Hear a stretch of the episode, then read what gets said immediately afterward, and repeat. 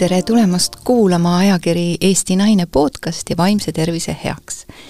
mina olen saatejuht Rita Rätsep ja me räägime täna innovaatilistest lahendustest vaimse tervise ravivõimaluste vallas. et kas äh, tehnoloogilisel innovatsioonil võiks olla potentsiaali, et lahendada probleeme, millega vaimse tervise murega patsient ja siis ka tema ravimeeskond tänapäeval siis silmitsi seisavad ja kuidas selles olukorras siis üldse toime tulla ja ma olen palunud stuudiosse kaks kena naisterahvast, Piret Hirv ja Anlen Mahho, tere! tere! tere! Äh, sina, Piret, oled äh, tervisetehnoloogia juht ja sa oled Tehnopoli esindaja. Tahad sa kuidagi veel täpsustada, olen ma sellest aru saanud täpselt? jaa, sa oled sellest täiesti õigesti aru saanud, ma olen tõesti tervisetehnoloogia valdkonna juht Tehnopolis ja mida me Tehnopolis teeme, ongi see, et me aitame innovaatilisi lahendusi Eestis ja mujal turule tulla, tekkida, areneda ja lõpuks siis ka küpseda. Ja, ja meil on selleks seal eraldi olemas äh, kogukond, me kutsume seda Connected Health või tervisekogukonnaks, Connected Health klastriks, terviseklastriks, ja seal me siis koos kõigi huvitatud osapooltega neid lahendusi arendame. et ikka patsiendil oleks hästi ja, ja tema meeskonnal, kes temaga töötab, oleks ka kõik ja. innovaatiliselt paigas, et me saaksime läheneda kiiresti ja efektiivselt. meie kogukonda kuuluvad väga tõsise missioonitundega inimesed ja nende eesmärk on terviseteenuste osutamisel kutsuda esile muut-, muutusi. me kõik teame, mis on probleemid ja tehnoloogia tegelikult lahendabki väga selgelt kolme probleemkohta. Ravi kvaliteeti, ligipääsu ravile ja kindlasti ka kogu süsteemi efektiivsust. et need on need kolm põhilist asja, mida sa pead alati meeles pidama, kui sa hakkad äh, lahendama äh, siis patsiendi probleemi. et lähme ajaga kaasa. just. jaa, ja Ann-Leen, sina oled üldarst ja, ja sa oled ka siis TalTechi üliõpilane ja sa õpid e-tervist. Ja tegelikult me räägime praegu äh, sellisest asjast nagu terasünk, mille tegevjuht sa oled. ja, ja sa oled selles kliinilise arendustegevuse eest vastutav. Ja see ongi nüüd see asi, millest me siin räägime, see on sinu magistritöö. Jaa, kõik, kõik need asjad said sa ilusti kokku võetud. Et äh, ma tõepoolest, ma teen mitut asja, äh, ma olen üldarst, teen seda tööd perearstikeskuses, ehk siis sellist nagu kontakti patsientide ja terviste hoiutöötajatega on mul väga palju, siis äh, samal ajal ma mõtlen ka, kuidas seda tööd saaks teha paremini niimoodi, et nii arstil, õdedel kui ka patsientidel oleks parem ja just läbi selle innovaatilise ja tehnoloogia töösse sissetoomise. ja sellepärast ma sinna TalTechi seda õppima läksin ka nüüd poolteist aastat tagasi, e, et päriselt neid e, muutusi ka ellu viia. ja just, et Erasünk on e, vaimse tervise ravimeeskondadele mõeldud platvorm, kus patsient, kellel on siis ärevushäire või depressioon, saab sellist meeskonnapõhist abi. Et muidu sageli need inimesed on üksinda jäänud, et võib-olla mingi ravim on justkui olemas ja miskit, aga nad ei tunne, et, et keegi neid jälgib, kelle, keegi nendega tegeleb, keegi neist hoolib, nad ei tea, kelle juurde minna, millal, kui pikalt ta peaks seda ravimit võtma, aga kui me toome need inimesed ühte kohta kokku, sul on terapeut, sul on perearst, kes sind jälgib, pereõde, kes sulle helistab, küsib, kuidas sul läheb, eh, siis psühhiaater vajadusel, kui on mõni raskem juht, et nad kõik on, on sinuga koos ja, ja selle suunas me liigume, et sellist meeskonna ja hoolivuspõhist meditsiini arendada vaimse tervise vallas sina oled ju praktik, sa oled üldarst ja sa tead tegelikkuses, mida siis nagu vaja on, et äh, sa tegeled patsiendiga ja teisest küljest oled sa siis ravimeeskonna liige ja sa viid nüüd need kaks asja kokku, et sa oled oma igapäevases töös näinud, et kus on puudujääk või mida saaks, isegi ei ole võib-olla puudujääk, vaid mida saaks veel paremini teha. ja kuna meil on siin Vaimse tervise heaks podcast ja meie, meie kuulajad äh, kindlasti on huvitatud, et kuidas siis saaks praegu seda digitaalsete vahenditega hoida kokku aega, äh, nii aitaja tööaega kui siis äh, patsiendi aega, et ta ei peaks olema üksi, otsima kuskilt midagi, vaid see kõik on efektiivne ja, ja ma saan aru, et see terasünk on siis nii-öelda hea abistaja, nii aitaja kui ka abisaaja jaoks. On nii? just, et need kaks asja on nüüd kokku viidud. Nii et, et siin siis meie kuulajad, kõrvad kiki et see on midagi sellist, millest on meil tänases kiires maailmas äh, kasu igatepidi. Ja nii et, nii et aga miks me siis vajame äh, sellise vaimse tervise valdkonnas nüüd innovatsiooni, miks meil seda vaja on? Kas ma võin siin kohe? jaa, ma ju pöörasingi pilgu Pireti poole, et, et sina oled ju seal äh, Tehnopolis nagu tegeled kogu selle mhm. tehnoloogia ja, ja selle asjaga, et, et, et miks me seda siis nüüd vajame, et meil on, meil on arst ja meil on patsient ja noh, mis me siis nüüd seda digivärki sinna vahele paneme? digivärk on alati tööriistaks, et äh, tuua see teenus, äh, vaimse, vaimse tervise teenus inimesele lähemale. sellepärast, et sa küll ütlesid, et meil on arst, aga meil ei ole alati seda arsti käest, käest võtta ja, ja arsti ressursi efektiivse kasutamine on see, mis on hästi oluline. et äh, arsti me ei saa äh, mitmesse kohta korraga saata, küll aga digilahendus suudab mitmeid protsesse paralleelselt hallata. nii et äh,, nii et arsti aega me hoiame sellega kindlasti kõvasti kokku. ja patsiendi jaoks äh, see, nagu Ann-Leen juba ütles, et äh, tagab sellise turvatunde, et äh, meil on olemas ähm, kontakt vajadusel erinevate spetsialistidega ja Anlen küll ei maininud, aga minu meelest on tohutult oluline tuua siia ringi, ringi juurde ka selle vaimse tervise käe, probleemide käes ähm, äh, vaevlev ei ole võib-olla õige sõna, aga noh, ke-, kellel on need vaimse tervise probleemid, et äh, selle lähedane samamoodi siia ringi juurde tuua. tugivõrgustik siis? tugivõrgustik äh,, olen ise kogenud seda, et äh, lähedase inimesena, kui sinu pereringis on, on tõsine vaimne probleem, siis tegelikult mina tundsin ennast äh, lahtilõigatuna kogu sellest protsessist. ma ei saanud aru, mis toimub ja inimene, kes äh, on vaimse tervise probleemi käes, ta võib-olla ei ole alati ka võimeline seda väga otse ütlema, mis on, mis on, mis on juhtunud, mis tegema peab, kuidas olema peab, nii et see digilahendus kindlasti toob selle ringi ja informatsiooni liikumise hästi tihedalt kokku. Ja siit jälle me jõuame ikkagi nende kolme punkti juurde, et paraneb kvaliteet, me toome, me teeme süsteemi efektiivsemaks, me saame seda arsti aega paremini kasutada ja kindlasti paraneb juurdepääs, juurdepääs ravile. Vaimse tervise valdkonnas on noh, ise selles ka igatepidi sees olles, siis aitaja rollis on just nimelt see kättesaadavus see kiire, efektiivne kättesaadavus on üks väga-väga oluline märksõna, et, et mul on täna siin ja praegu paha olla ja kui mulle öeldakse, et sa saad selle aja kolme kuu pärast, kui sa tuled seda rääkima, siis noh, see süvendab kõike seda, aga see on paratamatus, see täna on nii. et, et jah, võib-olla mõnda kohta saab natukene kiiremini, aga paratamatult sa pead ootama ja mõnes mõttes tegelikult see ootamise protsess on ka hea protsess. Äh, mitte küll nii pikk ootamine aga just nimelt, et sa tead, et sa saad sellel kuupäeval, saad minna ja kellegiga rääkida ja, ja see kuidagi nagu annab selle turvatunde ja samas need protsessid su sees ikkagi käivad edasi. ja, ja võib-olla mõnikord tekivad ka mingid lahendused, aga alati ei ole see nii Äh, mõnikord on seda vaimse tervise abi vaja kohe, nüüd ja praegu, väga kiiresti. nii et nagu sa, Piret, ütlesid ka, et äh, teenuse kvaliteet ja kättesaadavus on need, mis selle terasönkiga nagu, selle platvormi läbi nagu siis äh, paranevad, on nii? üks asi on veel, mida tegelikult me Vähe. ei ole siin käsitlenud, mis on patsiendi enda roll või siis selle inimese enda roll kogu maailm liigub selles suunas, et anda rohkem võimu inimesele endale või tema lähedasele. et ei ole niimoodi, et arst otsustab ja õde käsib ja siis ma muudkui aga teen, vaid vastupidi, inimene võtab selle vastutuse ise. ja ja meie soovimegi selle platvormiga viia siis lood selle maani, et patsient saab teha sissekandeid, kuidas tal läheb, äh, mingisuguseid küsimustikke kas või näiteks äh, täita, anda aktiivset tagasisidet, kuidas tal on, et jah, minu visiidini on aega kolm kuud, las, las ma rahulikult ootan, aga see ei tähenda, et ma rahulikult ootan, vaid ma teen ka iseenda jaoks midagi.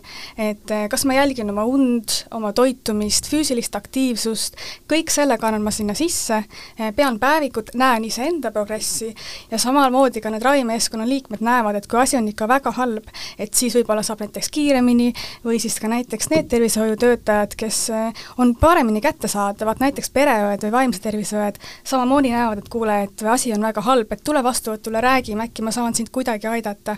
ja kui psühhiaatri vastuvõtud on kolm-neli kuud, eks ole, järjekorrad on pikad, siis õe juurde saab kohe ja õde läbi selle platvormi saaks kohe küsida psühhiaatri käest, kuule, mida ma teen, et selline patsient, sellised lood, psühhiaater võtab loo lahti, vaatab, ahah, see, see, see on tehtud, tal on niimoodi läinud, patsient ei teinud sissekannet, ohoh, kuule, aga proovime seda ravimit. ja, ja nii ta läheb korraks kiiresti perearsti juurde, saab oma ravi kätte ja saab kohe juba abi, et ta ei pea tegelikult kolm kuud ootama. aga selle eelduseks on see, et see patsient ise või ka tema lähedane on selles protsessis sees ja võtab selle vastutuse ja on võimestatud seda ravi tegelikult kas just juhtima, aga nägema, mis temaga toimub ja olla aktiivne osapool selles. ja see on see, mida tänapäeva meditsiinis on väga vähe ja see on selline suur suur mõtteviisi muutus, eh, mis tegelikult tuleks ka laiemalt ühiskonnas eh, muuta sellepärast te siin olete. just just nimelt, et, äh, et me oleme selline, meie meditsiin on selline ravimikeskme üsna palju ja, ja see tähendab seda, et ka inimese sellises mõttelaadis on läbi aastakümnete kujunenud, ma ei ütle aastasadadest, vanasti oli natuke teistmoodi, aga läbi viimaste aastakümnete on kujunenud välja see, et ma lähen arsti juurde, ta annab mulle tableti ja siis mul on kõik, siis ma keskendun ja siis ma ei ole enam ärev ja kõik sellised, äh, mis sealt veel juurde tulevad, äh, et, et see ravim on see, see valge tablett või kollane või punane tablett on see, mis mind nüüd siis aitab ja mina ise vastutust ei võta väga tihti öeldakse isegi ka psühholoogi või psühhiaatri kohta, et no mis ta mulle ikka siin ütles, et ma tean seda kõike ise, eks. noh, mis sa siis lähed sinna mm, -hmm. et, et kas sa tahtsid peegeldust saada või sa tahad, tahad edasi minna. et, et see on see otsustamise koht ja vastutuse võtmise koht ja siia kirjutaks tõesti, tõesti alla, et et see, kuidas sa jälgid iseennast, sa võtad läbi selle vastutuse iseenda tervise eest, sa õpid ennast kuulama, mitte keegi ei tule väljaspoolt sind aitama. kuidas sa selle peale tulid üldse, sellise platvormi peale või see magistritöö peale või Piret oli kuskil kõrval või kuidas see asi teil käis? tõsi ta on, et ükski innovatsioon ei sünni tegelikult tühja koha peal ja üksinda.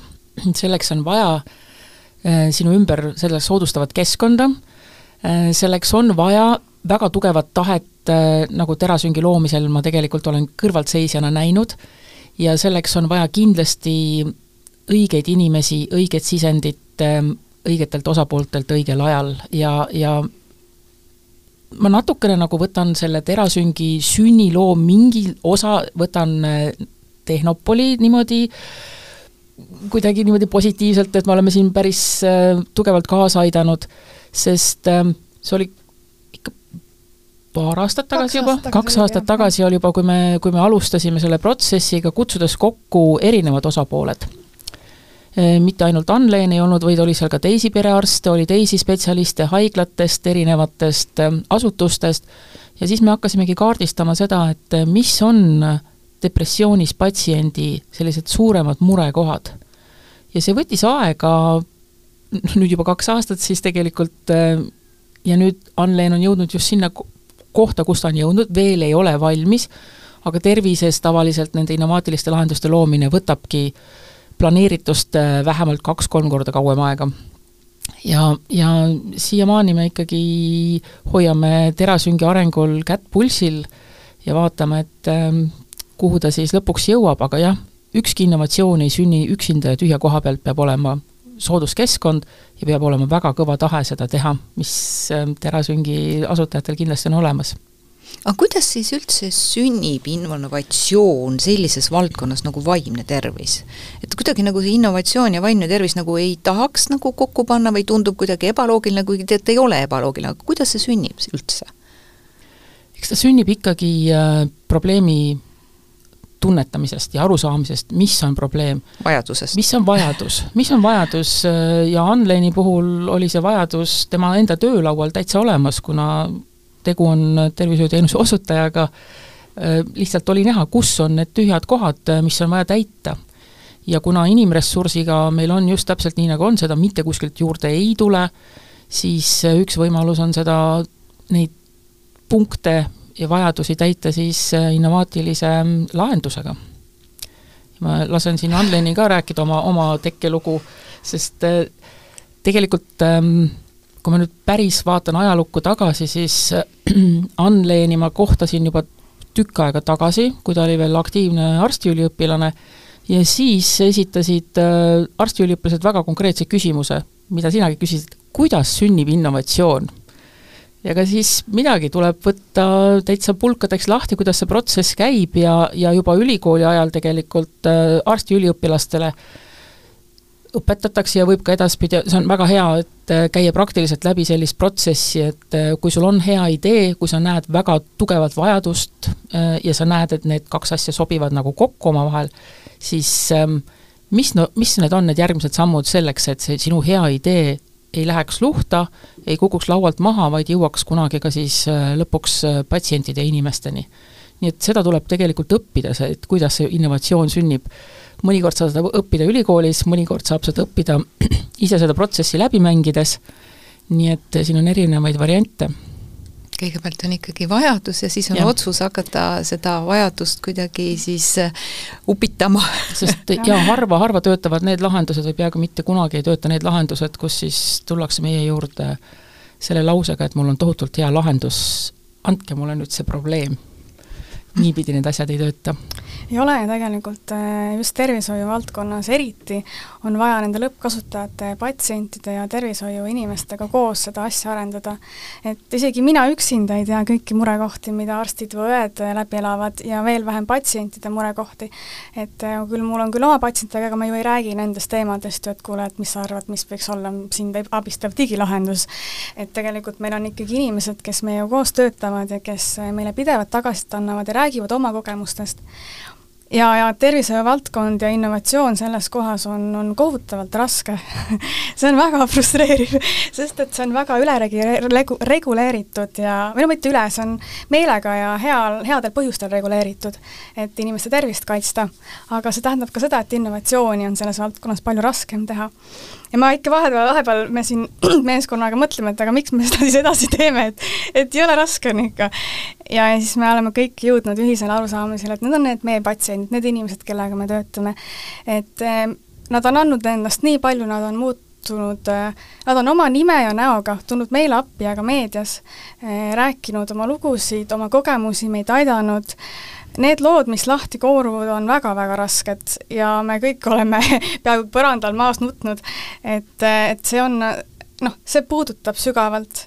ja, ja ma ei saa nendele inimestele otsa vaadata öelda, et kuule, et ei ole raske, et ma ei viitsi, et ma lähen teen, teen midagi lihtsamat, et teen mingisugust finantsvärki või midagi, et ei et, et ma ei saa jätta neid ja ma ei saa ka jätta oma neid kaaskolleege, kes nende samade murekohtadega maadlevad päevast päeva ja, ja justkui keegi neid ei kuula et äh, tervishoiu valdkonda innovatsiooni väga palju ei tule ja kui seda tuleb, siis ega tervishoiutöötajad ka väga palju ei kuulata, veel vähem patsienti.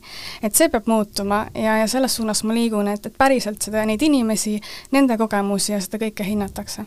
siin on kaks aspekti, et üks on siis patsient ja teine on spetsialist.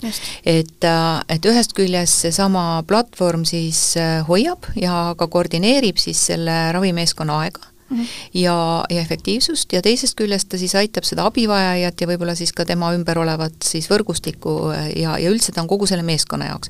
et kui me võtame praegu selle patsiendi kesksuse, et, et kindlasti meie kuulaja tahab teada, et aga mis minul nüüd sellest kasu on, kuidas mina saan oma asjadega paremini toime tulla või, või kiiremini abi saada, et mis on selle juures see, see patsiendi kesksus?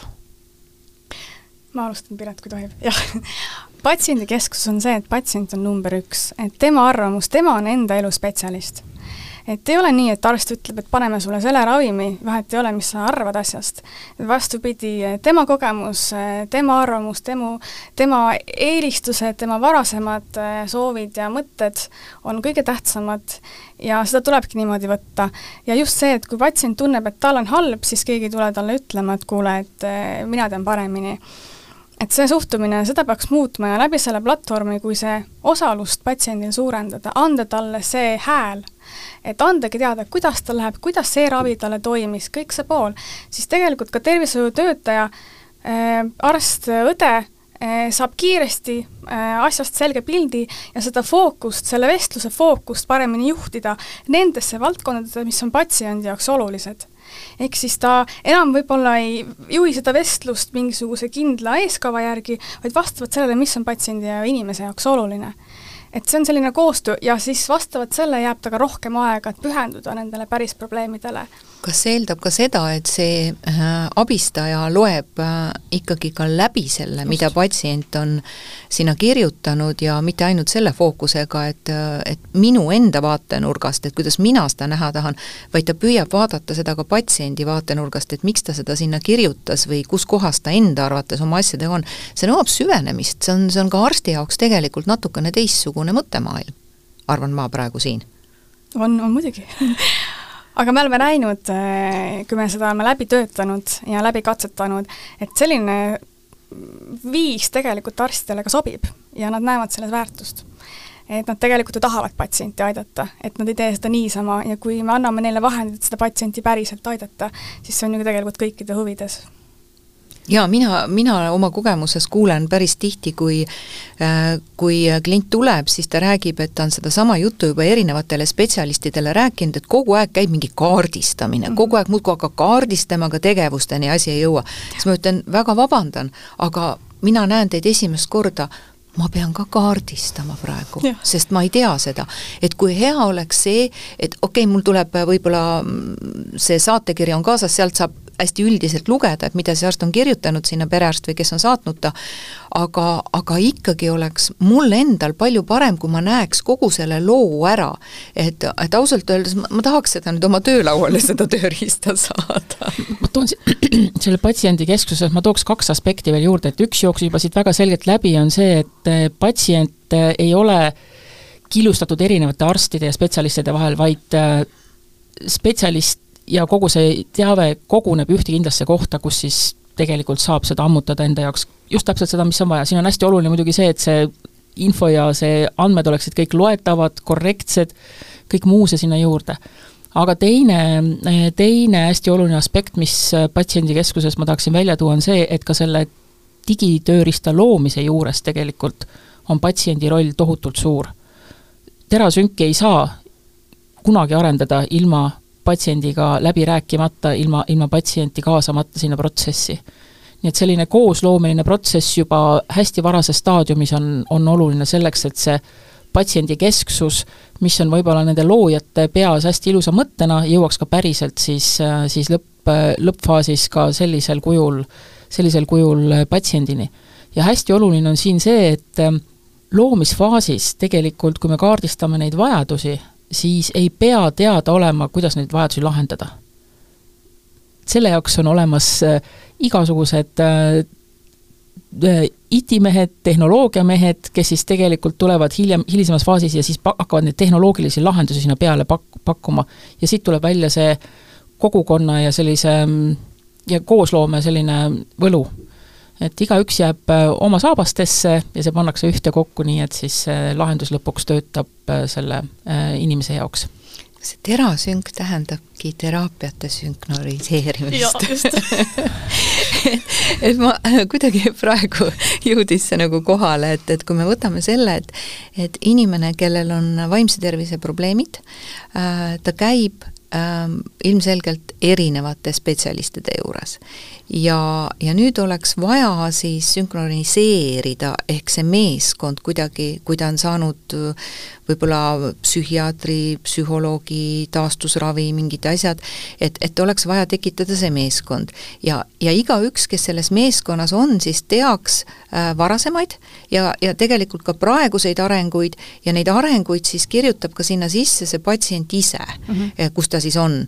ja, ja nüüd see meeskond saab siis vaadata selle üle, et mida sina sellel hetkel praegu siin just nagu vajaksid. see on see, mis sa praegu päris alguses nagu ja. rääkisid, et ma, ma tõmbaks selle nagu kokku, et mis oleks nagu patsiendi jaoks vajalik, et ta tunneks ennast nagu turvaliselt, et mm -hmm. ma olen kellegi poolt äh, nagu hallatud, keegi jälgib mind, keegi hea suur sõber jälgib mind ja, ja samas ma jälgin ka ennast. just, jah Mm -hmm. ja huvitav on juurde tuua seda, see aspekt, et see ei ole ainult vaimse tervise vallas, vaid ka, ka näiteks, kui on digilahendused näiteks füsioteraapias, siis kui inimene tunneb, et ta ei ole oma nendes protsessides ja tegemistes ja harjutustes ja, ja iga, mis iganes sa siis tegema pead, ei ole üksi, et keegi nagu justkui teoreetiliselt isegi võib vaadata, mis sa oled teinud, siis inimese sooritus ja tahe neid ülesandeid täita ja siis seda talle välja kirjutatud raviprotseduuri jälgida on, on kordades suurem.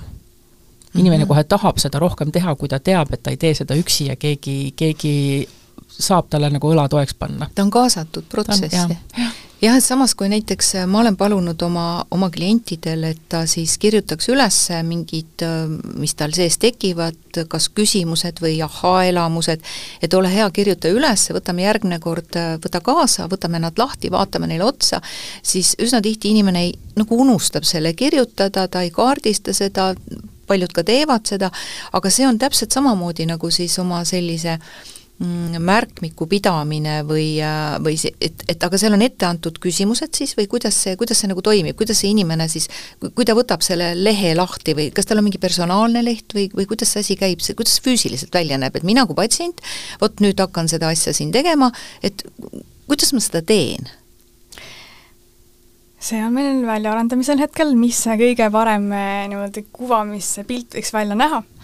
Aga mida me oleme mõelnud, on see, et et on selline nagu ajajoon, eks ole, sa näed, millised visiidid kellegi juurde on läinud ja samal ajal sa näed ka seda visiitide sisu niimoodi üksteise all visuaalselt. see on siis nähtav patsiendile ja meeskonnale? kõigile, kõigile mm -hmm. just. ja, ja siis, kui on näiteks mingisugune küsimustik, mis mõõdab äh, sellist üldist tervist, äh, toimetulekut elus, tööl või siis ka depressioonisümptomeid, ükskõik mida, et siis näiteks see avaneb eraldi küsimustik me oleme mõelnud ka sellist lahendust, et näiteks inimene saab korraks niimoodi klikkida telefoni peale, et kuidas sa ennast tunned kümne palli skaalal ja siis sellist nii-öelda visuaalset graafikut jälgida, kuidas ta siis niimoodi nädalate, päevade lõikes siis, kuidas ta see progress on või ei ole. et selle järgi saab ka väga palju infot, et selline väikene Äh, väike sisend, aga võib väga palju muuta. aga üks asi, mis on kindlasti oluline märkida, et kui inimesel on alles depressioon alanud või see on ka raskes seisus, et tal sageli ei ole seda energiat ja, ja jõudu, et kõiki neid vidinaid nutiasju teha, et ta tahab lihtsalt terveks saada, võib-olla magada, eks ole, ja miskit sellist. et, et siis siia tulevad ka need lähedused kindlasti mängu, millest Piret rääkis. et ka tema oleks seal juures, teab, mis toimub ja saab vajadusel toetada. et sageli ongi nii, et inimesel ei ole energiat, ta ei saa magada, ja, ja siis, kui mina kirjutan talle sellise esmase antidepressandi, mis aitab tal selle energia luua, et oma elus muudatusi tegema hakata. Eh, sellepärast on hea, kui näiteks teraapiaseanss ongi järjekordadega, eks ole, alles kuu aja pärast, sest siis hakkab ravim toimima, siis tal on seda sisemist ressurssi, et endaga ka tegeleda. Et see on sellise mitme asja koostoime, aga, aga eesmärk on anda patsientidele need teadmised ja ressursid, et enda elus neid muudatusi tegema hakata, ongi see, et sa käidki füüsiliselt jooksmas või ujumas, sa toitudki tervislikult kvaliteetsest toidust, sa suhtledki pere ja sõpradega, võtad aega iseendale, magad piisavalt kaheksa tundi ööpäevas, sellised väiksed asjad, mis tegelikult annavad väga-väga palju juurde, aga inimesed sageli seda ei tea ja või neil ei ole energiat sinna oma aega ja, ja kõike panustada. No ma võin ka sinna kirjutada, et ma ei taha täna midagi kirjutada. ja, ja see on ka informatiivne. just mina, mina olen enda jaoks peas välja mõelnud äh, või no kõrvaltnäinuna sellist äh, väga rasket protsessi, siis ma olen enda jaoks välja mõelnud selle, et äh, see ravim on hästi oluline selleks, et aidata inimest sügavast august sinna augu piiri peale tõsta. ja siis sealt edasi ronimine, juba selleks, et ennast üles vinnata ja natukene ninaga üle serva vaadata, siis tegelikult on vaja seda äh, seda digilahendust sinna juurde, mis aitab sul järge hoida, on vaja erinevat teraapiaid ja on seda äh, et see on see hetk, kus inimene saab hakata iseennast juba, juba siis äh, edasi vinnama ja siis on need tööriistad hästi olulised erinevad, nii digi kui ka siis igasugused analoog nagu terapeudid ja ja sellised, et, et jah, mina olen enda jaoks lahti mõtestanud selle, et ähm, ravim on see, mis aitab sul natukene nina kergitada sellest sügavast august äh, serva peale aga selline lahendus tekitab ka selle tunde, et ma ei ole üksi. et äh, ma võin sinna kirjutada, oma päevikusse võin kirjutada, aga ma kirjutan seda iseendale äh, või siis tõesti, kui on terapeut olemas, et siis ma lähen selle päevikuga tema juurde, aga, aga noh, millal ma siis lähen järgmisel korral. Aga et kui ma täna kirjutan ja homme kirjutan mingeid asju või kirjutan, et ma ei taha mitte midagi või mind ei huvita miski, siis see läheb kellelegi korda ja mhm. keegi loeb seda, et see on ka informatsioon.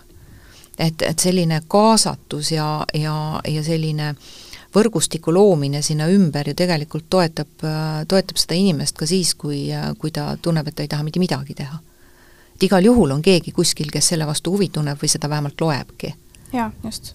aga praegu ma saan aru, et, et see terasünk on siis sellises ähm, testimise faasis, et, et ta ei ole meile et, et meie kuulaja ei saa, ta klikib sinna peale, ta avab äh, Terasünki lehe, see on täiesti olemas, see on ilus, kena leht olemas, aga, aga ta praegu nagu sellisel kujul ei toimi, et, et inimene saaks täna võtta selle lahti ja hakata sealt abi otsima, kuidas ta täna veel toimib inimese jaoks? Äh, hetkel ta ei toimigi. Äh, hetkel on nõnda, et me arendame meil saab kohe valmis selline esmane versioon, mida me siis ka inimestega kohe katsetama hakkame, see toimub veebruarikuus ja noh, see on ka siis ka minu magistritöö muuhulgas.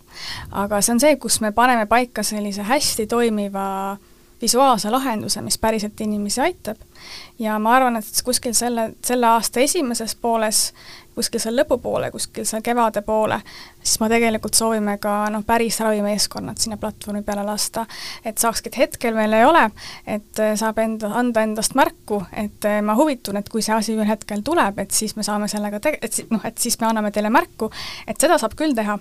Aga... et see tähendab seda, et patsient saaks, äh, huviline saaks ja. praegu kirjutada kuskile seal lehekülje peal oma andmed, et ma olen tulevikus sellest huvitatud. et kas või just, et kas ta osaleb siis mingis katseprotsessis või ta saab juba reaalselt hakata selles protsessis osalema? No see sõltub sellest, et millist koostöövormi nad eeldavad. et noh, see, kui ennast kirja panna, et siis me saame seda infot edastada äh, nende tulevaste võimaluste kohta, et kas ja kuidas panustada ja millal juba saaks. et me anname endast parima, et võimalikult kiiresti selline lahendus tegelikult ka päris inimesteni jõuaks. aga eelnevalt me peame läbima mingisugused etapid, et see oleks turvaline, et andmed oleks kaitstud, kaitstud ja kõik selline pool ja see võtab natuke aega mm. -hmm aga vähemalt me teame kuklas, et selline ja. asi on kuskilt olemas. just. Kuidas, et üks on nüüd see patsiendipoolne, poolne osa sellest äh, platvormist, aga teine on siis äh, spetsialistipoolne, et, et kuidas mina kui spetsialist, sina kui üldarst ähm,, vaimse tervise õed, kõik see, kuidas nemad sinna sellesse sisse saavad, äh, kuidas see koostöö reaalselt toimima hakkab, mis, mis, mis asi see on, et võtaks, võtaks selle ka lahti? Siin ilmselt äh, Ann-Leen teab täpselt rääkida, kuidas tõesti, et, et mis on selgunud, on see, et Eesti tervishoiutöötaja ei taha uut akent, mida jälle kasutama mis hakata. on täiesti normaalne. jah, ise mina ka ei soovi uusi aknaid, et neid on piisavalt palju. et mis see tähendab, et ta peaks tegelikult olemasolevate programmidega juba hästi töötama koostöös. et inimene sisestaks informatsiooni ühekordselt ja rohkem ta ei pea muretsema, et kas ja kuhu see edasi läheb et testimise versioonis kahjuks meil neid kõiki integratsioone ei ole, et siis tuleb natukene teha topelttööd, aga see on eelduseks sellele, et me teame, mida täpselt me siis ka vajame. et ta võiks olla selline mõnusasti ja intuitiivselt töölaual olemasolevate programmidega, et see kõik omavahel, see infovahetus toimib ja, ja kõik saavad kiiresti selle info kätte. et jah, täiesti mingisugust uut asja me ei, ei soovi teha kindlasti, aga see sõltub, jah, see on Eesti kontekst, aga välismaal on jälle teistsugused soovid ja vajadused. ja mida meie tahame tegelikult teha, mis on on suurem plaan, on see, et oleks piiride vahe, ülene eh, vaimse tervise abi. et sinu ravimeeskond võib olla ka üle maailma laiali, et üks arst on kuskil Suurbritannias, teine arst on Eestis ja kolmas on Soomes, eks ole. et neid inimesi, kes reisivad ju ringi, on ju palju ja näiteks oled välismaalane, elad Eestis, aga, aga räägi, tahad rääkida oma e-, emakeeles, inglise keeles oma terapeudiga, mis on vaimses tervises väga oluline, et saaks oma emakeeles rääkida, või vastupidi, oled eestlane, elad välismaal, aga tahad rääkida Eesti arsti ja Eesti terapeudiga. et ka see võimalus oleks olemas. et eh, selline ülemaailmne võrgustik luua eh, vaimse tervise vallas mm,. ambitsioon on ja, suur. ja, ja. ja siit tuleb ka välja see täpselt, eh, mida Ann-Leen kirjutas, on see, kirjeldas, on see, et miks see kõik nii kaua aega võtab.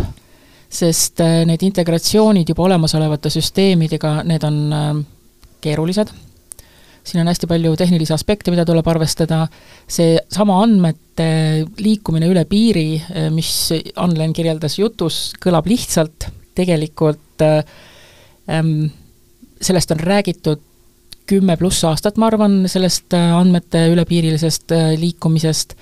Ja reaalne ülepiiriline andmevahetus toimub minu meelest vist Soome-Eesti vahel on digiretsept, mis mm -hmm. nagu reaalselt töötav lahendus on, aga ega neid liiga palju ei ole, nii et, äh, nii et siin on hästi palju tööd veel teha. pluss veel see, et see testimine on hästi oluline selleks, et, et muuta koguda andmeid ja muuta see lahendus turvaliseks nii patsiendile kui ka, kui ka, kui ka spetsialistile, nii et, nii et siin on hästi palju etappe, mida tuleb läbida koos erinevate osapooltega.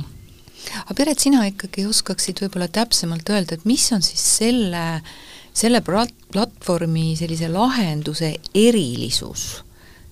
Äh, ja, ja mis on siis noh, praktilisest väärtusest me oleme enam-vähem juba rääkinud, aga mis on selle erilisus, mis ta nii keeruliseks teeb või või miks need asjad kõik nii palju aega võtavad, et noh, me teame, et on vaja, no teeme ära. Mi-, milles asi on, kuidas üldse ühe platvormi loomine käib või mina küll tahaks teada, ma ja. arvan, et meie kuulaja ka, et no mis siin siis nüüd on, teeme ära, nii lihtne asi ju. miks see, miks see nii kaua aega võtab, äh, see on mul äh, lihtsalt aastate jooksul empiiriliselt äh, saadud info, ma tean, et see võtab väga palju aega. ma ei oska alati lahti seletada, et miks need protsessid on nii keerulised, aga, aga kui me hakkame võtma algusest peale, siis seesama etapp, mis me selle, siin läbi käisime koos Terasüngi loomislooga, tegelikult juba see vajaduse väljaselgitamine ja siis ka kinnituse leidmine, et jah, see on õige vajadus, see võtab omajagu, jagu aega, kui sa teed seda korrektselt, kui sa teed seda koos, koos kõigi osapooltega. ja sa alustad küll võib-olla seal selle lõppkasutaja ja, ja, ja lõppspetsialistiga koos seda arendamist, aga samas sul peab kuklas tiksuma kogu aeg see mõte, et ähm, kuidas ma kogun andmeid, kuidas ma kogun e-, erinevat ähm, sisendit, et kuidas ma seda asja olen arendanud selleks, et mingi hetk ka Terasünk ilmselt mingi hetk peab minema küsima sertifikaati selleks, et äh, see lahendus on ohutu patsiendile ja et see lahendus teeb seda, mida ta lubab teha. see võtab aega. Ähm, siis, äh, siis lõpuks äh, need integratsioonid kõik, noh, meil Eestis on, eks ole, digilugu, mis on selline suur, suur küll juba aastat kümme pluss kindlasti kasutuses olnud, eks ole, isegi rohkem, ma arvan, siin tuleb, mis me oleme, peaaegu kahekümne aasta peal jõuame varsti. nii et, nii et hästi, hästi suur, suur andmekooslus, kuhu siis peab tegelikult tekkima see andmevahetus terasüngi ja, ja, ja siis selle suure süsteemiga. jälle ei ole lihtne lahendust leida sellele ja nüüd ma ikkagi pean puudutama ka seda valusat teemat, et kõik kõik lahendused alustavad äh, selle Friends, Fools ja Family rahaga, äh, siis kes kui palju suudab panustada ja, ja mingil hetkel hakkab kuklast terendama see, et nüüd on vaja leida investorit. sest äh, see arendus on kallis ja seda selle kolme F-iga edasi väga pikalt ei jõua sellega.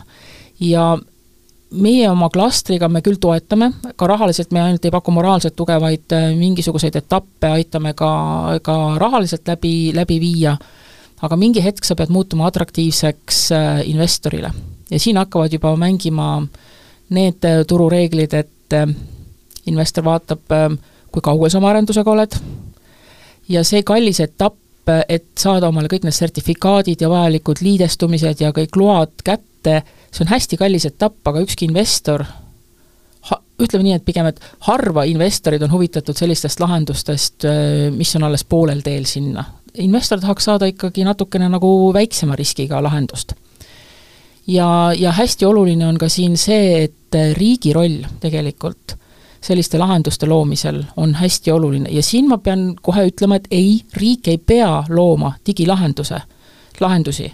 riik, riik, mida ettevõtjad ja mida meie siis oma digikogukonna poolt ootame, on see, et riik looks sellise hästi soodsa keskkonna selleks, et need digilahendused saaksid tekkida. ja see just tähendab seda, et riik ei tee ise selliseid digividinaid, mida iga ettevõte saaks tegelikult teha palju kiiremini, palju kvaliteetsemalt. Aga, aga meie ootus on selleks, et, et on olemas sellised tugisüsteemid, on, et ettevõtet üldse arendada, et on olemas äh, väga selged reeglid, kuidas liidestuda, kuidas toimub andmevahetus, kuidas mina patsiendina näiteks saan anda nõusoleku üldse äh, terasüngile minu andmetega toimetada, näiteks läbi digiloo, nii et äh, siin on hästi-hästi palju neid detaile ja küsimusi. Ja paraku ta nii on jah, et kui tulevad esimesed ettevõtted esimest korda minu juurde, ütlevad, et me tahaks nüüd teha ühte vinget digilahendust, me oleme planeerinud selleks äh, mingisugune kuus kuud, üheksa kuud, siis tegelikult ma ütlen, et nüüd korrutage kahega, ja siis pange veel natukene otsa, et eh, nii paljuks peab teil omal seda ressurssi jätkuma, nii vaimset kui ka finantsilist, selleks, et mingisugusele etapile jõuda. aga miks, äh, miks sa väärtustad just seda terasünki? et ma saan aru, et kõik need Äh, kas või seesama digi, äh, digikeskkond, mis meil on äh, praegu juba toimib ja olemas pealt kümne aasta, eks, et ka selle ettevalmistus võttis, võttis aega ja, ja ühel hetkel ta muutub meie jaoks täiesti normaalseks, me isegi ei mõtle selle peale, et, et kuidas nagu elu ilma selleta oli, ta on täitsa noh, nagu toimib. et klikk ja kõik, eks. et võib-olla ühel hetkel on ka see terasünk nii, et mina lähen näiteks oma, oma keskkonda, ma võtan lahti seal praegu välisdokumendid, loen need läbi, eks ju, siis kirjutan oma anamneesid sinna sisse, siis läheb see perearstile, kõik sellised asjad, et aga, aga nüüd on mul üks selline klikk, et tuleb inimene, vajutan sinna peale, ma saan tema kõik lood, kõik asjad, mis ma tahan, eks, mul on kogu ülevaade ühes kohas olemas. mulle tundub see väga praktiline ja väga mõnus asi, ma ootaksin seda nuppu. aga, aga, aga Piret, miks teile nagu tundus see, see terasüngi idee nagu väärtuslik, et te hakkasite sellesse panustama või selles osalema? esiteks äh, oli see valdkond, hästi oluline. vaimse tervise valdkond. vaimse tervise valdkond, et see on oluline ja siin on ressursipuudus üks põletavamaid. Äh, teiseks, kui kindlasti on hästi oluline see, et sa näed äh, motiveeritud meeskonda selle lahenduse taga. noh, sul, isegi kui sul on ideaalne keskkond, sul on palju raha ja kui sul puudub see, see sisemine põlemine, et jaa, ma tahan seda teha, siis jälle ei tule mitte midagi välja. nii et, äh, nii et teine hästi oluline aspekt on see, et see on meeskond. ja kolmanda tegelikult sa seletasid juba ise lahti, et et ma ka tõesti ootan tulevikus seda, et äh, see süsteem hakkab tööle, klikk ja ta tuleb ja ta on normaalne osa protsessist äh, nii, nii ravi saajana kui, kui ravi osutajana, nii et ja, ja kuna, kuna Anlenil on see visioon väga tugevalt peas olemas, siis, siis mul ei ole põhjust vastu vaielda sellele. pluss ma ikkagi äh, tulevikus loodan, et ähm, see ettevõte, ta peab hakkama raha teenima, äh, siin nagu teist võimalust ei ole, sest ettevõtjad ikkagi ähm, isegi ter-, vaimse tervise valdkonnas, nad peavad saama kompensatsiooni oma tegevuse eest, et see on täiesti normaalne osa elust ja, ja, ja vaimne tervis äh, ka välismaal tegelikult on hästi suureks, suureks probleemiks samamoodi nii et see visioon minna piiriüleselt äh, ja vallutada ka maailma, see on hästi integre-, intrigeeriv, hästi huvitav ja, ja lihtsalt Unlane'ile ma ütleks ka seda, et äh, visioon peab olema hästi suur, aga need tibusammud seal vahel peavad olema hästi pisikesed ja täpsed. selleks, et jõuda selle suure, suure visiooni realiseerumiseni. et kui eesmärk on saada olümpiavõitjaks, siis, äh, siis tegelikult tuleb iga päev trenni minna. nii on, nii, ma pidin just sedasama ütlema, et iga päev pead sa siis teatud, teatud väikse eesmärgi saavutama. just jaa, väga hea, et, et selles mõttes võib-olla kui täna me teeme siin seda saadet ja, ja võib-olla kuskil arhiivist äh, keegi äh, noh, ütleme siis kolme või viie aasta pärast leiab selle saate, siis mõtleb, issand, millest need naised siin rääkisid, et see on mul ju töölaual olemas ju, et kuidas üldse sai nagu ilma selleta siiamaani hakkama. et see oleks see suur eesmärk meile, eks. aga, aga sina kui üldarst, Anlen, mis on, äh, kuidas sa, kuidas sa kujutad ette enda töölaual seda? Täitsa noh, mis on sinu jaoks praktiline väärtus, sa lähed tööle, mismoodi see hakkab olema? see hakkab olema niimoodi, et ma lähen tööle, eh, ma avan oma programmi, mul, ma tean, et mul patsient tuleb viie minuti pärast vastuvõtule, eh, ma võtan tema loo lahti, ma näen täpselt ära viie minutiga, mis temaga on tehtud, mis on suured murekohad, mis ta raviskeem on, eh, mis tema suured haigused on, mis tema enda kõige suurem probleem on, ja mul on temast hea tervikpilt ühes kohas olemas, mul on peas juba mingisugune mõte, mis temaga võiks arutada, mul on enam-vähem teada, mis murega ta tuleb, ma panen need kaks asja kokku, ma oskan oma peas juba vestlust juhtida ja need küsimused välja selgitada, mida ma tema käest soovin küsida. ja siis tuleb see patsient vastuvõtule, ma kuulan ta ära, eh, vaatan, kas see läheb minu eelneva mudeliga kokku. Ja vastavalt sellele, mis tema rääkis, mis minu, mis mina, mis minu jaoks on oluline, mis on tema jaoks oluline, ma justkui juhin seda vestlust selles suunas, mis mõlemale poolele on kõige parem. Ja me leiame ühiselt selle lahenduse ja paneme täpse plaani, kuidas edasi.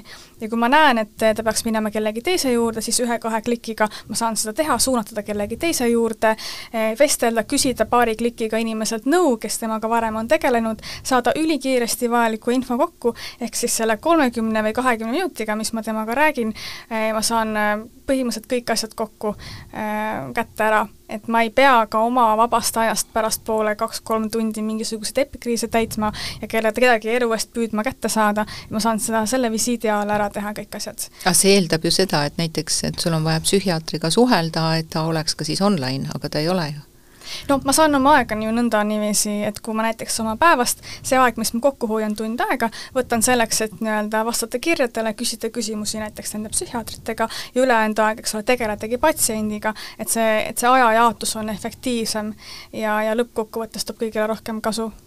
mis mulle siin Anleini jutus hästi praegu kõlama jäi, on see, et et selline tööriist, ükskõik mis vallas, on ta siis vaimse tervisega või ka muus vallas, tegelikult äh, mitte ainult ei võimesta patsienti, vaid, äh, vaid ka perearsti, sest perearst, ta jääbki siis nagu selliseks nagu keskseks perearstiks, et äh, nagu Annelen ütles, et erinevad äh, spetsialistid saavad anda oma sisendit, kuidas patsiendiga toimetada, aga perearstil säilib see üldpilt patsiendist.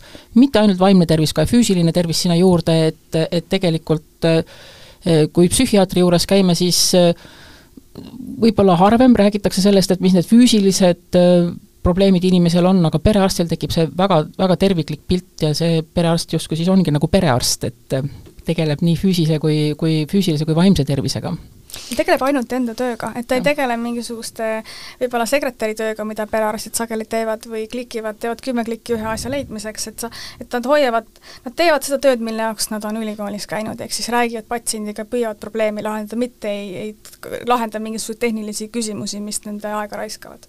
aga täpsustage mulle ühte asja, mul tekib üks selline küsimus siin ja võib-olla tekkis ka meie kuulajatel selline küsimus, et, et kui te olete, kui on keegi sellega kokku puutunud, et Äh, näiteks kui äh, tuleb kiirabi, ähm, see ei pea olema ainult füüsiline teema, see võib olla ka vaimse tervise vallas, kui kutsutakse kiirabi. ja, ja kiirabil ei ole tihti äh, infot sada protsenti või on? kuidas on kiirabil? kiirabil on, kriitilised andmed on alati teada. kriitilised yeah. andmed, aga, aga võib-olla vaimse tervise vallas, kas tal on mingit infot? ei Äh, vaimse tervise vallas tal ei ole infot ja tavaliselt, ma räägin jälle oma kogemuse pealt tegelikult, et kui sa kutsud äh, kiirabi, siis äh, harva kutsub see patsient ise selle kiirabi endale välja. ja sinna võivad olla sekkunud ka erinevad osapooled, sinna võib isegi ka politsei olla sekkunud selleks, et seda kiirabi, kiirabi välja kutsuda. nii et, nii et jah, vaimset tervise digiloos ta ei näe vaimse tervise probleeme, mis patsiendil on, aga noh, minu eeldus ütleb see, et kui on vaimse tervise põhjuse pärast kutsutud kiirabi välja, siis tegelikult see enamasti peegeldub juba väljakutses endas. aga, aga mida sa siin praegu puudutasid, oli tegelikult väga oluline küsimus, mis mul ka enne jooksis siit läbi, mida ma tahtsin välja tuua, on see, et see digilahendus üksi tegelikult ei lahenda probleemi. sest see digilahendus peab haakuma kogu teenuse osutamise protsessiga ja see tähendab seda tegelikult, et äh, iga digilahenduse turule toomine eeldab ka seda, et nii perearst oma töölaua peal vaatab selle, hindab selle protsessi üle, kui ka tegelikult see terviseteenuse osutamine üldiselt, ta peab sulanduma sinna tervesse protsessi, kas või seesama kiirabi väljakutsumine, et milliseid andmeid kiirabi näeb siis oma sellest, sellest äh, iPadist, mis tal kaasas on, mida ta patsiendi kohta siis kriitiliste andmetena näeb. kogu see protsess tegelikult peab olema kokku sulatatud nii, et see toob patsiendile kasu. Ja, ja see on ka üks põhjuseid, miks, miks vähemalt Eestis lahenduste turule toomine võtab hästi kaua aega, on see, et ta peab sulanduma sinna üldisesse teenuse osutamise protsessi. sinna on meil, juurde tuleb kindlasti Tervisekassa, kes, kes hakkab selle teenuse eest maksma, eks ole, kas ta hakkab maksma selle eest või maksab selle eest patsient või hoopis perearst siis äkki oma rahakotist hakkab seda maksma või spetsialist, et kõik need küsimused võtavad aega, et neid lahendada ja see on hästi terviklik süsteem selleks, et see toimiks ja, ja töötaks ähm, tõrgeteta. üks asi on juures, on teaduspõhisus ehk ja. siis kõik need lahendused, mis me tervishoius teeme, peavad olema teaduslikult tõendatud, me ei saa mingisugust uhuud inimestele müüma hakata. Et, et me peame, et selleks, et oleks Haigekassa meeskonnas või tähendab rahastamas, et oleks laialdaselt aktsepteeritud, peab ta siis olema teaduslikult tõestatud. ja täpselt samadel mo-, moodustel nagu ravimitega, eks ole, mõõdetakse, kas nad on efektiivsed, tuleb ka digilahendusi mõõta ja need kliinilised testid kestavad aastaid, need on väga kallid, äh, need võtavad aega ja see on ka üks põhjus, miks äh, sellega läheb nii kaua aega. Te praegu tegelete sellega ja,? jah, jah okay.. et me peame ka tegelikult ka majanduslikult selle asja ära tõestama, samamoodi kliinilise katsega. et meil on, eks ole, mingisugune hulk inimesi, kes nii terasüngi platvormil saavad ravi kui ka ilma terasüngi platvormita sarnase profiiliga, me mõõdame nende, nende tervisenäitajaid, nende finantsilist kulu nii riigile kui nendele endale, kõik see pool ja see, ja me teame, et vaimse tervise probleemide lahendused võtavad väga palju aega, et see ei saa sageli kahe kuuga terveks, et võib et kesta aastaid, mistõttu ka need kliinilised kliinilised katsed võtavad aastaid aega. aga enne Haigekassa või siis ka nüüd juba Tervisekassa ei, ei tule mitte midagi rahastama, kui me ei ole ära tõestanud, et see asi päriselt toimib ja on finantsiliselt äh, hea selle kiirabi jutu juurde tagasi tulles natukene oli üks mõte siin mul veel juures see, et, inimesed väga tihti äh, mõtlevad äh, privaatsuse peale ja mm. eriti, mis puudutab siis vaimset tervist, et äh, minnakse just nimelt siis erameditsiini äh, suure palvega, et palun ärge kirjutage kuskile seda või teist või kolmandat sisse, ma ei tea, kas see on võimalik niimoodi, aga, aga ma tean, et selliseid palveid inimesed on esitanud, et, et ma ei taha, et kuskile jääks minust jälg. Et kas siin on see oht, et, et inimene ei taha seda, sellepärast et sellest jääb kuskile jälg jaa, see oht on väga suur. Ehm, tegelikult on nii, et ehm, see stigma on vähenemas, see vaimse tervise stigma, et see, et keegi kuritarvitab minu vaimse tervise andmeid, et mõni kakskümmend, kolmkümmend aastat tagasi oli see olukord palju raskem kui praegu, et, et nüüd juba inimesed, just noorem põlvkond tegelikult ei karda oma vaimse tervise andmeid nii väga avaldada, mis puudutab depressiooni ja ärevushäiret. kui me räägime skisofreeniast, siis need andmed on natuke delikaatsemad ja võib-olla neid tõesti inimesed ei taha kõikidele kuvada. aga kuna ärevushäireid ja depressiooni kahjuks on järjest rohkem, siis ta on muutunud ka nii-öelda selliseks normaalseks normaalseks või normaalsemaks haiguseks meie ühiskonnas, mistõttu enam see ei ole väga suure uudisväärtusega, et kellelgi see on. aga need asjad võtavad kindlasti aega ja seda suhtumist peab muutma, et sa ei ole hull, kui sul on vaimse tervise mure või midagi sellist, et sa ei pea minema pehmete seintega ruumi, mis on jällegi väga stigmatiseeriv ja psühhiaatriakliinikud minu arvates väga selle väärtust vähendab, et ka psühhiaatrikliinikud ei ole hullumajad, vastupidi, et nad on tegelikult kohad, kus inimesi saab aidata ja neid ei hoita inimesi seal kinni otseselt. et, et see suhtumine vaimsesse tervisesse kui kui meie kõigi ressurssi millessegi, mida peab teadlikult toetama ja kui seda ka, sellega on midagi lahti, et siis ka seda tegelikult sageli annab, annab muuta ja, ja sellega saab tegeleda, et ta ei ole, sa ei ole kohe kuidagi vähem väärtuslikum ühiskonnaliige, kui sul see on. aga selles mõttes, et see andmete kaitse on väga oluline ja just vaimsete ja üldse terviseandmete kaitse, et see on väga suur no, number üks prioriteet meil ka, et need andmed ei lekiks mistõttu ka igasugused häkkerid, eks ole, kindlasti soovivad neid kätte saada ja, ja sellega peab väga arvestama. sellepärast võtabki kõik see väga-väga palju aega. aga, aga see on hästi vahva, et, et me siin äh, Vaimse Tervise Heaks podcastis äh, käsitleme äh, Äh, väga paljusid erinevaid teemasid, kuidas inimene saab ennast ise aidata ärevuse kõrval, korral või depressiooni korral või unetuse korral, meil on hästi palju erinevaid teemasid ja, ja tegelikult on tore tuua siia sisse ka sellist äh, natuke teistsugust saadet, äh, just nimelt selle mõttega, et, et kuidas nagu meid kuskilt aidatakse, kuidas me saame ise aidata kuskil platvormis osalemisega, võib-olla selles äh, nii-öelda katsetuse rollis, eks ju, praegu, nagu, et, et mida nagu tehakse, et, et, et mitte ainult arstide poolt, vaid, vaid just nimelt see innovat-, alternatiivsete lahenduste otsimise poolt, et et lihtsalt harida meie, meie kuulajat just selle teemaga, et, et see ei ole keeruline või see ei ole, see on keeruline, et, et see ei ole nii lihtne ja, ja mis tööd selles vallas tehakse ja tegelikkuses ka, et mis võimalused meil saavad tulevikus olema, mis, mis põnevad võimalused ja mis vajalikud võimalused meil saavad tulevikus olema, et et, et see on lihtsalt selline mõtlemise koht praegu, et, et olla kaasas ka selliste uudistega et see oli meie tänane mõte, et et, et see on kokkuvõttes võib-olla, et see Terasünk on selline ühtne platvorm -hmm. on nii? Seal toimub siis aktiivne patsiendi monitooring mm, -hmm jaa, ja, ja tegelikkuses on hästi oluline ka selle patsiendi tugu, tugivõrgustiku kaasamine sinna, mis on ka hästi-hästi oluline. nii et vot sellist tööd siin Eestimaal tehakse, põnev teada. kas te soovite midagi veel lisada? Jaa, ma jään ikkagi oma mantra juurde, et seda ei tee üksi. Ja hästi oluline on siin tugivõrgustik mitte ainult patsiendile, vaid tugivõrgustik ka sellele ettevõtjale, kes on selle, eh, ma ütleks, et selle raske tee ettevõtlusest, nagu Anlen ütles, tegelikult äh, on olemas palju lihtsamaid valdkondi, kus saab kohe tulla turule oma lahendusega, ilma kõike seda kadalippu läbimata, nii et üksi ei tee mitte midagi ja selleks tuleb otsida endale toetav kogukond taha. Mm. -hmm ja see on nüüd äh, nii patsiendi jaoks oluline ja tegelikkuses ma tunnen, et see on ka aitaja jaoks hästi oluline, et ka mina ei ole üksi aitajana, ma saan vaadata, mida keegi teine on teinud, ma saan talt nõu küsida, et see on selline tõesti selline ühtne, ühtne platvorm, et aidata seda inimest, kes, äh, kes on sattunud oma elus sellisesse olukorda, kus ta üksinda sealt august välja ei roni, et, äh, et see, see on üks, üks äge projekt ja, ja hoiame siis kõik nüüd, hea kuulaja, hoiame nüüd pöialt, et meil oleks tulevikus arstil vot kuskil seal desktopil see nupukene, kuhu ta klikkab ja ta saab meie kohta need andmed, et meid, meid oma asjades ja, ja olukordades paremini aidata. Ja sõnum neile, kes viie aasta pärast kuulavad, et et see on võimalik. See võiks olla nii tõesti aga aitäh teile, et te tulite ja seda, seda vahvat ideed meiega siin jagasite ja meile selle kuuldavaks tõite ja ma väga loodan, et tulevikus saab see ka meile nähtavaks. ja aitäh, kuulaja, et sa meid kuulasid ja, ja kaasa mõtlesid ja, ja võtame siis koos teiega pöidlad pihku ja loodame, et meie vaimse tervise heaks saab see platvorm ka tulevikus tõesti reaalselt tööle. aitäh! aitäh! aitäh.!